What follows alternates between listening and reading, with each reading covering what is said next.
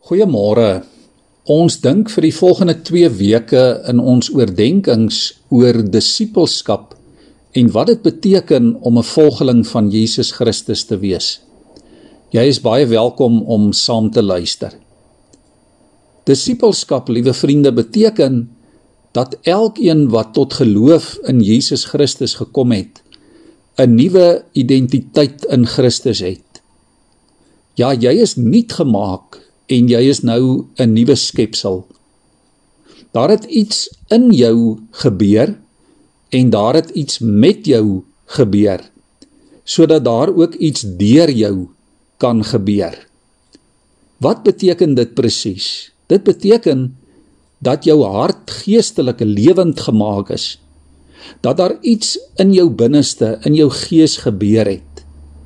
Dit beteken ook dat jou posisie ten opsigte van Christus en jou verhouding met God verander het. Jy is nie meer ver van God af nie. Jy het nou naby God gekom. Dit beteken jy kan nou ook God se hande en God se voete in hierdie wêreld wees sodat sy gees ook deur jou in hierdie wêreld kan werk. As kinders van die Here is jy en ek nie meer slawe van die sonde nie. Ons identiteit het verander. Ons is nou kinders van God. Ja, ons is saam met Jesus God se erfgename. En deur God se genade kan ons heilig lewe. Ons kan nou getuies wees van wie God is, van wat hy doen en van wat sy wil is vir ons en vir die mense in die wêreld rondom ons. Hierdie nuwe identiteit van ons beteken ook dat ons nie meer lewe om te oorwin nie, maar dat ons reeds saam met Jesus oorwinnaars is. Dat ons uit sy oorwinning elke dag kan lewe.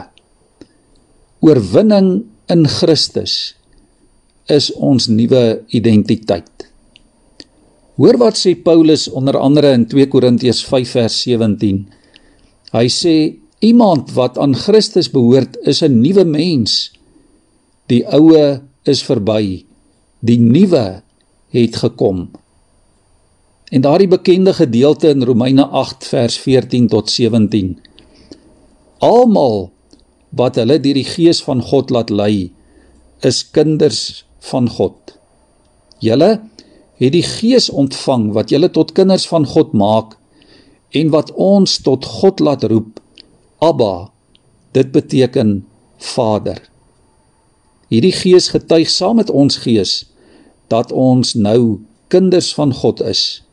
En omdat ons kinders is, is ons natuurlik ook erfgename van God. Erfgename saam met Christus, ons broer.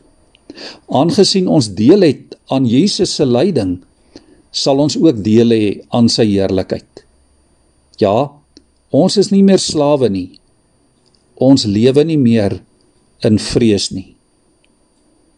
Kom ons buig ons hoofde so met dankbaarheid voor die Here. Here, baie dankie vir ons nuwe identiteit in U. Dankie Here dat U in Christus ons Vader is en dat ons U kinders kan wees.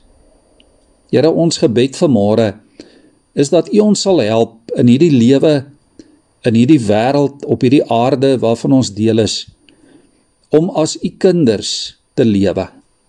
Ja Here, dat die wêreld U in ons sal sien en sal hoor. Dat die wêreld en mense rondom ons sal weet wie U is. Dankie dat ons vry kan wees.